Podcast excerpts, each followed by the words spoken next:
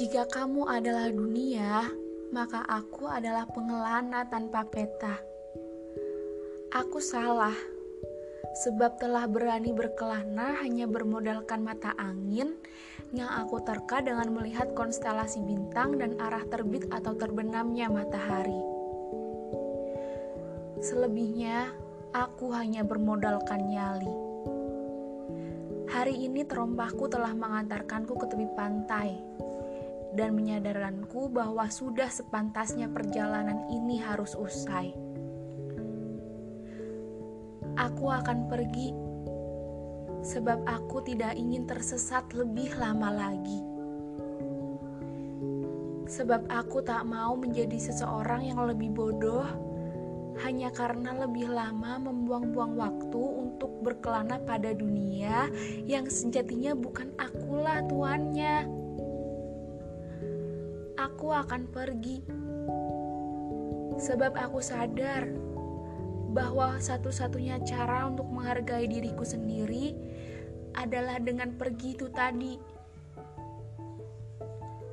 Aku tidak akan lagi memaksakan menggenggam tangan yang tidak ingin digenggam.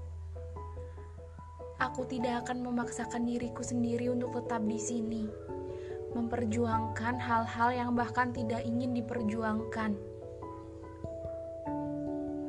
Maaf, aku terlalu berharga.